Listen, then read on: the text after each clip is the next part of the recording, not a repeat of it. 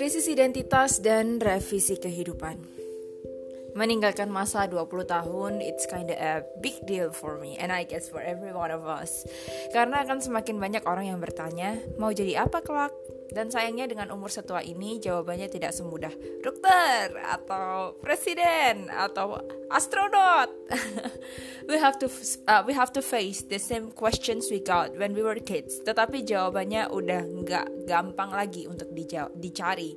Dulu saya kira saya ingin jadi A, jadi B, C, D dan seterusnya. I lived some of them. Some dreams did come true. Tapi ketika benar-benar dihidupi, ternyata masih ada ruang yang terisi.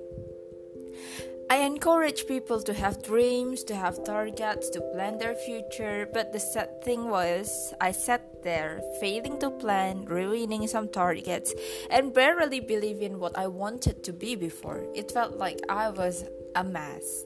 It silently hurt me when people asked, mau ngapain setelah ini? Because my answer would be, I don't know either.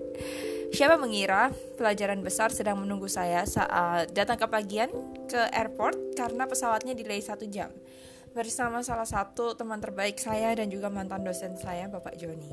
And the conversation happened. Beliau tahu bahwa saya sedang krisis identitas masa depan. And he said, menggelisahkan buat kamu, mungkin belum bagi teman-temanmu. This sentence a bit relieved me knowing I am on the right track to be a more mature person. Satu hal yang saya sangat hargai dari beliau adalah beliau selalu menyediakan dirinya menjawab berbagai pertanyaan bodoh tanpa membuat kami merasa bodoh, including mine with this one.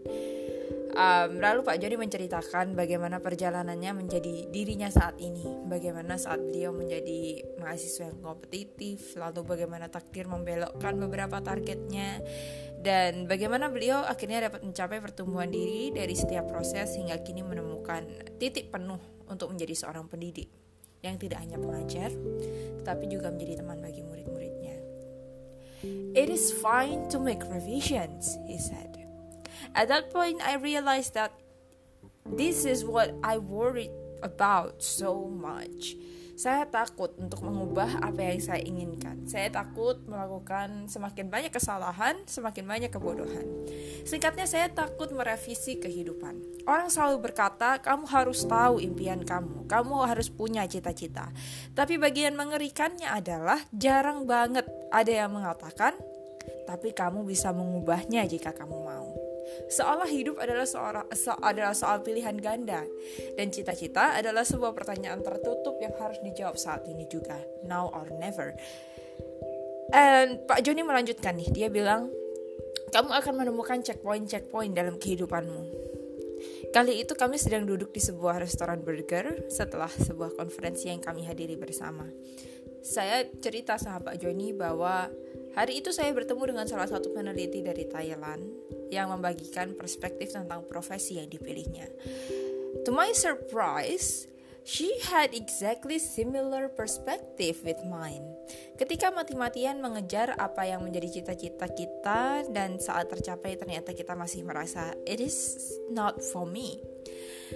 Bukan karena menyerah sebelum waktunya, we just know it doesn't fit the gut and Miss um, the Thailand lady uh, decided to make a change with her life dan menemukan panggilannya sebagai seorang researcher uh, in entrepreneurship, membantu banyak orang untuk mampu lebih berkembang dalam usahanya.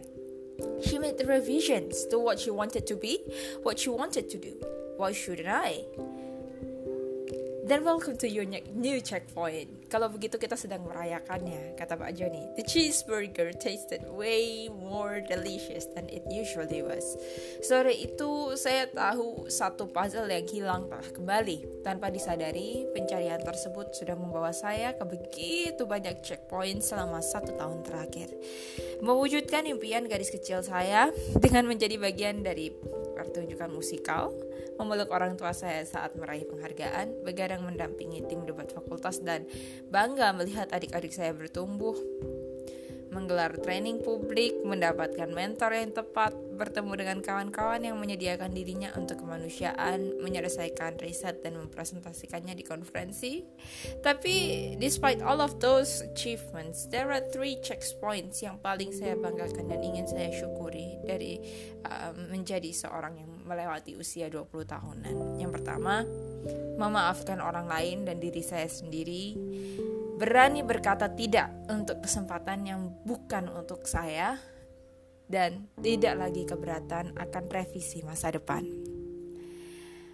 March 20 Bukan periode singkat untuk sebuah perjalanan seorang petari, bukan usia yang tepat untuk mempermainkan segala hal, tapi juga bukan waktu yang pas untuk berhenti bereksperimen.